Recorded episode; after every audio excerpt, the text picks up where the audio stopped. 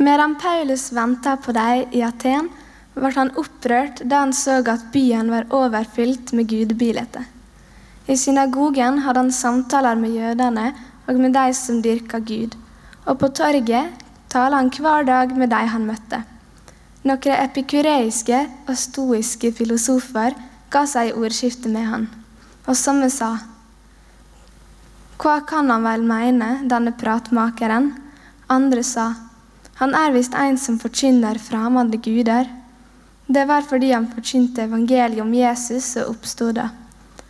Så tok de han med seg og førte han til Areopagos og sa:" Kan vi få vite hva slags ny lære du kommer med? For, for det er underlige ting du let oss få høre. Derfor vil jeg gjerne vite hva dette er for noe. For verken atenerne sjølve eller utlendingene som bor der, bruker tida si til annet enn å fortelle og spørre nytt. Da steg Paulus fram fra Areopagos-rådet og sa:" Atenske menn, jeg ser at de på alle måter er svært religiøse. For da jeg gikk omkring og så på helligdommene deres, fant jeg et alter der det sto skrevet For en ukjent Gud. Det som de tilber uten å kjenne, er det jeg forkynner dere. Gud som har skapt verden og alt som i henne er. Han som er herre over himmel og jord. Han bor ikke i tempel som er bygd av hender, og let seg ikke tjene av menneskehender, som om han skulle trenge noe. Han som gir liv og ande. Ja, alt til alle. Av ett menneske har han skapt alle folkeslag. Han lar dem bosette seg over hele jorda. Han setter faste tider for dem og grenser mellom bostedene deres. Det gjorde han nok for at de skulle søke Gud, om det kunne lykkes for dem å lete seg fram til Han og finne Han. Han er da ikke langt borte fra en eneste en av oss, for i Han er det vi lever og rører oss og er til, som òg noen av deres egne diktere har sagt. For vi er i Hans slekt. Er vi da Guds slekt? Må vi ikke tro at guddommen likner et bilde av gull eller sølv eller stein, som menneskekunst eller mennesketanke har forma? Gud har båret over med de tidene da folk var uvitende. Men nå byr han at alle mennesker, hvor de så er, skal vende om. For han har fastsatt én dag da han vil dømme verden med rettferd. Og til det har han innsatt én mann. Det har han stadfest for alle med å reise ham opp fra de døde. Men da de hørte om oppståda fra de døde, var det somme som spotta, men andre sa, Vi hører deg gjerne tale mer om dette en annen gang. Så gikk Paulus fra dem, men det var noen som holdt seg til han og kom til tru. Mellom dem var Dino, Dionysius fra Areopagos-rådet og ei kvinne som heter Damaris, og noen andre.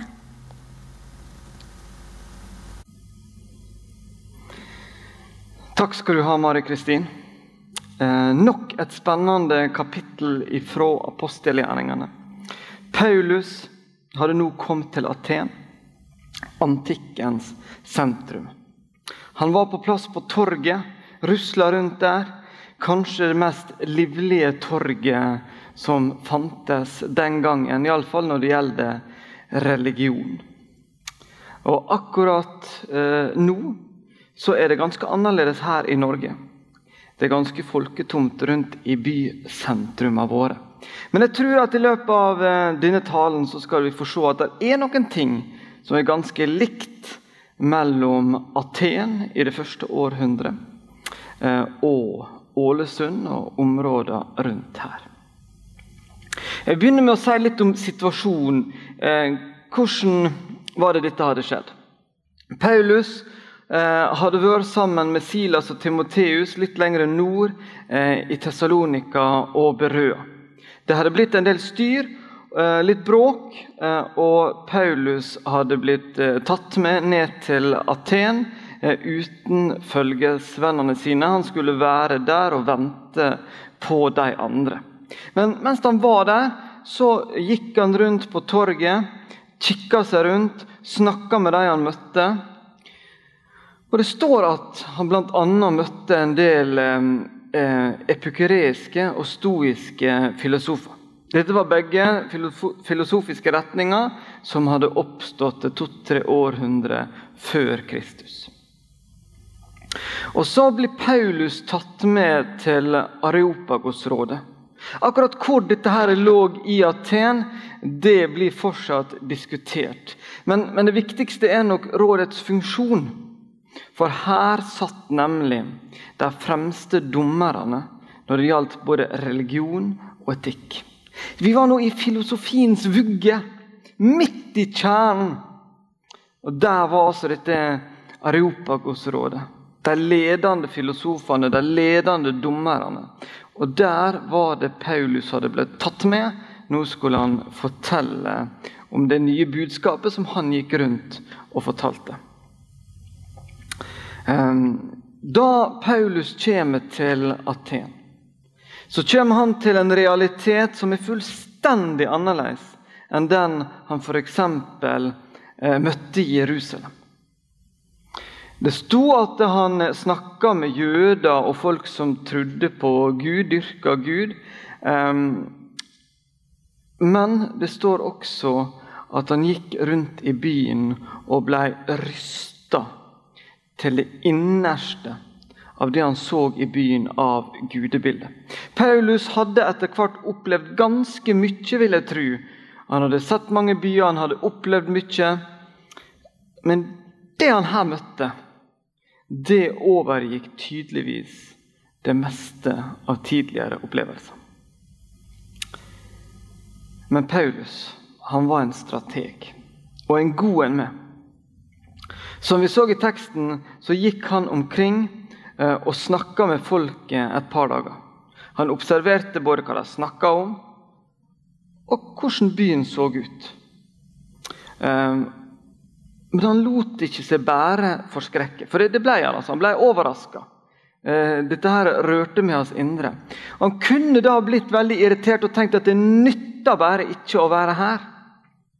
Det nytter ikke å prøve å komme hit til dette folket og fortelle dem om en Jesus som døde på korset og sto opp og sona syndene våre. Han kunne latt mismotet ta over han og tenkt at her nytter det ikke å være. For dette her folket de levde virkelig langt vekke fra Bibelen sin Gud. Jeg vil tro at mange av oss kunne ha blitt litt mismodige av å sett det som han møtte. Og I tillegg så møtte han noen av de fremste, de beste eh, og mest presise, velutdannede retorikere eh, han kunne møte. De han møtte her i diskusjon, de var eksperter på det de drev på med. De gjorde ikke annet enn gå rundt og diskutere. Paulus brukte derimot sin kunnskap og innsikt til å forstå hvordan han skulle angripe denne situasjonen. Her var ikke folk opplært barndommen, fra barndommen i jødenes lov. De kjente ikke til Israels gud. Det nytter ikke her å komme og snakke om, eh, om et rotskudd fra Isais stamme. Det nytter ikke å vise til at det, dette her sa profetene før, og så har dette skjedd. Om noen kapittel, altså om noen søndager, så skal jeg tale om når Paulus taler til kong Agrippa. Da får vi se at Paulus angriper situasjonen på en helt annen måte. Men i dagens tekst, når Paulus snakker til de som ikke kjente jødenes skrifter, ikke visste om jødenes skikker, så har han altså en tilnærming som er tilpassa dem. Det er spennende å se på. Jeg skal videre prøve å, å se på dette ut ifra to overskrifter. Den første overskrifta er satt det er 'en ukjent Gud'. Og så skal vi seinere se på et nytt språkunder. Vi leser igjen fra teksten. Atenske menn, jeg ser at dere på alle måter er svært religiøse. For da jeg gikk omkring og så på helligdommen deres, fant jeg et alter med denne innskriften for en ukjent Gud. Det som dere tilber uten å kjenne det, det forkynner jeg dere. Solveig, den eldste dattera mi og jeg satt hjemme en kveld og tenkte at nå har vi lyst til å slappe av litt foran TV-en, og se noe eh, litt morsomt. Vi endte opp med å finne noe på NRK med et litt mindre fint navn. Eh, men det var en standup-komedie med Are Kalvø som heter 'Hyttebok fra helvete'. Jeg har sett et intervju med Are om dette her for en stund siden og lest litt om denne boka og prosjektet som han har gjort rundt det her. Eh, kanskje ekstra fordi jeg er veldig glad i natur. Jeg liker å være ute i naturen. Jeg liker å gå fra hytte til hytte og, og bo rundt på disse plassene. Og er litt spent på å høre eh, hvor stygt eh, Are ønsker å omtale oss som faktisk setter pris på å gå til en eller annen topp eller en eller annen hytte, være slitne, lage et eller annet posemat. en kanskje en, egentlig en stusslig middag, men sette pris på å spise dette sammen med folk vi ikke kjenner. Men dette programmet det ga meg noe å tenke på. Jeg, jeg har fått noe å gruble på i disse dagene etterpå. fordi at Are viser bl.a. til en del statistikk som sier at Norge har blitt et langt mer eh, sekularisert samfunn de siste 30-40 åra. Og samtidig, i de samme 30 og 40 åra, så har han kommet denne boomen med at alle må ut og opp på fjellet og nyte denne her naturen. Og så veit jo vi ikke om det, det her er samme folka. Men det er påfallende eh, at mens interessen for Jesus har vært dalende i landet vårt, så er interessen for høye fjell, dype skoger, lange fjorder vært økende. Og uh, Are Kalve han sier at det er to typer mennesker som står sånn med hendene høyt heva over hodet. Det er nyfrelste, og det er de som står på toppen av et fjell. Så har det altså blitt stilt spørsmål ved om kristne i sammenhenger som Misjonssalen og andre frimenigheter har vært for opptatt av å forkynne Jesus som frelser, eh, og kanskje litt lite Gud som skaper. At det har forsvunnet litt i vår iver etter å trekke fram Jesus. Og Kanskje har dette påvirka kristendommen i Norge og Skandinavia de siste åra mer enn vi aner. Eh, de par siste åra har jeg brukt mye av, av tida mi på bibellesing i Det gamle testamentet. Prøvd å studere noen av bøkene der. Og Det er liksom noen ting som, som bare liksom nærmest gjaller litt opp i hodet mitt. Noen sånne setninger som har brent seg fast. Og En av de setningene som, som sitter virkelig igjen etter å ha lest en del i Det gamle testamentet, det er at de begynte å tilbe det skapte framfor skaperen. Dette er altså noe mennesker har gjort i generasjoner. Forskjellige folkegrupper har gjort det. Og det skjer også i vår verden i dag. At vi ser på det skapte i stedet for skaperen. Når vi ser den fantastiske naturen som vi har her i Norge, så har vi kanskje lett for å prise naturen. Og glemme at det er en som står bak dette. her, En som er skapt en som er forma det. Kanskje det er akkurat det som har skjedd eh, her i Norge de siste åra.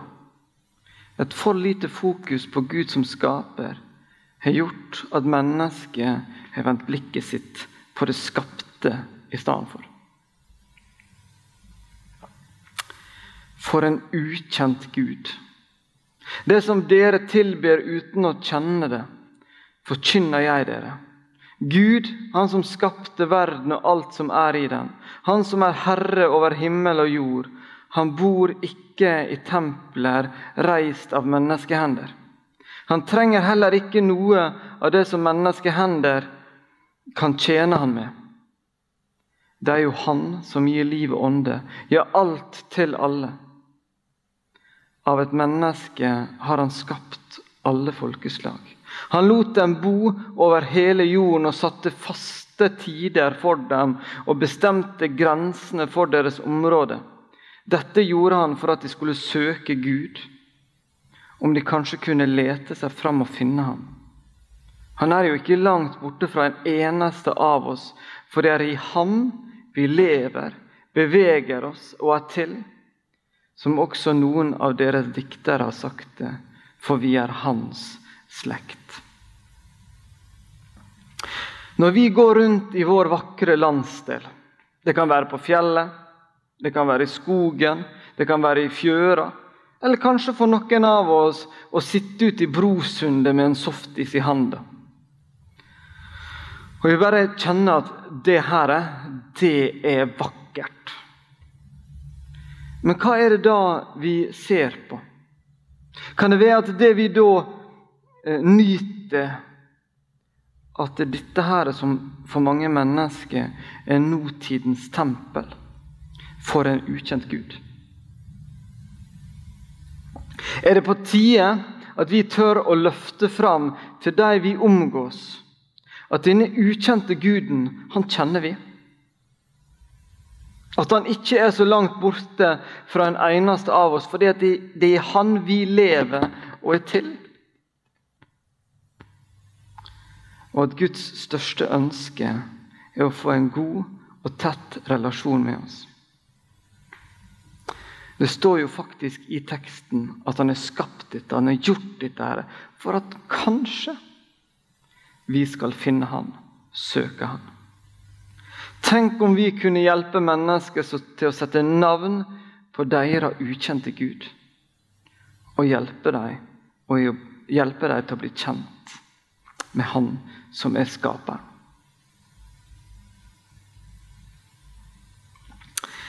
Så var det den andre overskrifta 'Et nytt språkunder'. For i dag er det faktisk første pinsedag. En dag vi markerer fordi disiplene og andre kristne mottok Den hellige ånd. Det skjedde et språkunder denne dagen. Mange mennesker fikk høre eh, om Jesus på sitt eget språk. Snakka av mennesker som ikke kunne deres språk. Dette var et under som ble gjort for at de skulle forstå noe mer av hvem Jesus var, og hva han hadde gjort for dem. Og På en måte var det dette som skjedde i Aten med. Det var faktisk et sånt lite språkunder. Ikke med at eh, selve språket endra, men ved at Paulus var i stand til å bruke noen andre ord. Si ting på en annen måte, som gjorde at dette folket kunne forstå hvem Bibelens Gud var og er. Han tilpassa uttrykka slik at tilhørerne, tilhørerne kunne forstå ham. Og Dette kunne Paulus få til fordi at han hadde brukt tid på å være sammen med dem. Han var klar over hva de var opptatt av, og hvordan deres verdensbilde hang sammen. Da kunne han bruke den kunnskapen han satt på, om Det gamle testamentet, om Jesus, det han hadde fått opplevd. Og så kunne han sette dette sammen og hjelpe dem å forstå. Det står at noen gjorde narr av ham. Men det var altså noen som kom til tru. En kjent, flink teolog som heter John Stott, har innført et uttrykk som heter dobbel lytting.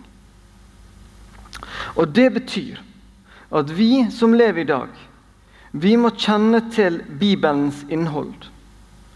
Men vi må også kjenne til vår samtid, sånn at vi kan være med og bygge bru fra Bibelen og til vår samtid. Sånn at de mennesker som lever sammen med oss, kan forstå hva Bibelen sier. John Stott er opptatt av at vår kunnskap om Bibelen må være solid, den må være god. Sånn at vi er trygge på den og ikke blir usikre på den, men bruke den sammen med vår samtid. Slik at vi kan forstå hva lengsler som er i folket vårt i dag. Hvorfor er folk urolig? Hva skaper denne uroen? Hvorfor er folk bekymra? For å kunne møte disse behovene, så må vi kjenne til dem. Og så må vi kjenne Bibelen og kunne bygge ei bru som hjelper mennesket, slik at de kan bli lekt det som er vondt, og slik at de kan få fred og ro.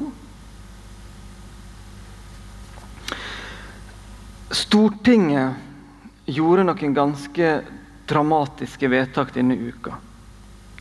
Jeg tenker på endringene i bioteknologilova. Personlig så gjorde dette meg vondt.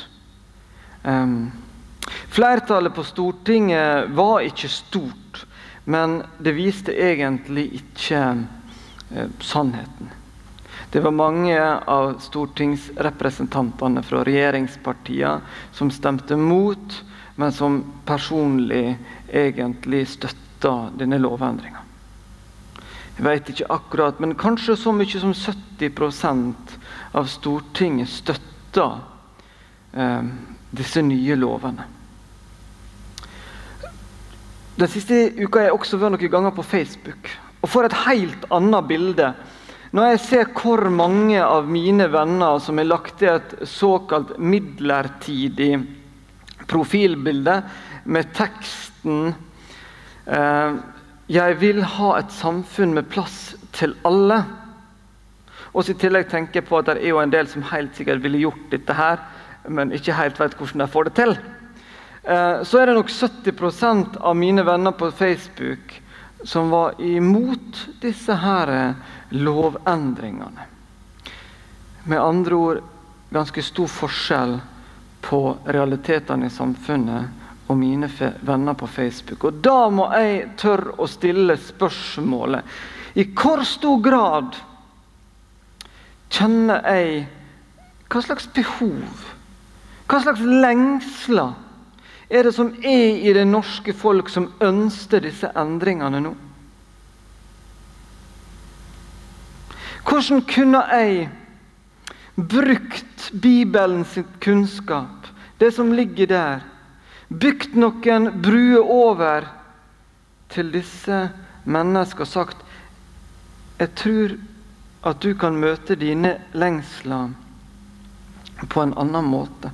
Jeg tror faktisk Bibelens innhold har noe å fortelle inn i vår tid som gjør at disse endringene i denne lova ikke var nødvendige. I hvor stor grad har jeg tatt meg tid til å lese innlegg fra mennesker jeg er uenig med, eller mye bedre tatt meg tid til å sette meg ned med noen av mine venner som er uenige med meg, over en kopp kaffe. Prøvd å ha en respektfull samtale og funnet ut hva er det her som rører seg. Hva er det her som skaper disse behovene? denne lengselen, denne trangen til disse endringene. Jeg må stille spørsmålet til meg sjøl kjenner jeg min samtid godt nok. Veit jeg hva som rører seg rundt meg? Jeg er nemlig 100% sikker på at Bibelen er like aktuell i dag som den alltid har vært. Bibelens budskap er noe som er sårt trengende inn i vår verden. Utfordringene er å kjenne Bibelens og dens budskap så godt, og samtidig behovene og lengslene til mine medmennesker, til våre medmennesker, slik at jeg kan være med og formidle dette budskapet til dem på en måte som de forstår hva Bibelen ønsker å fortelle til dem i dag. Som jeg sa i stad, det var noen som gjorde narr av Paulus. Jeg har også opplevd at noen gjør narr av meg, og at jeg vil tro på det som står i en så gammel bok. Men jeg tror at jeg også vil, og jeg har fått oppleve å hjelpe noen å bygge denne brua. At de kan få sett at Bibelens budskap treffer dem i dag. Og det tror jeg vi skal få lov til å fortsette å oppleve. Men vi trenger kunnskap om Bibelen, om samtida, og kunne bygge noen bruer. Jeg tror at du og jeg skal få lov til å være med og oppleve noen nye sånne pinseunder, noen nye språkunder i Ålesund-området og i fylket vårt framover. Men da må vi være villige til å prøve å bygge bruer. Vi må kjenne vår samtid, vi må kjenne Bibelen. Jeg har lyst til å si til deg lykke til med å sette navn på det som mennesker rundt oss opplever som en ukjent Gud. Å bygge bru, bygge bru mellom Bibelen og menneskets liv. Begge deler kan være utfordrende og vanskelig. Men vi skal huske på en pinsedag at den krafta som reiste Jesus opp fra de døde, han bor i meg og i deg og er interessert i å hjelpe oss til dette oppdraget. Amen.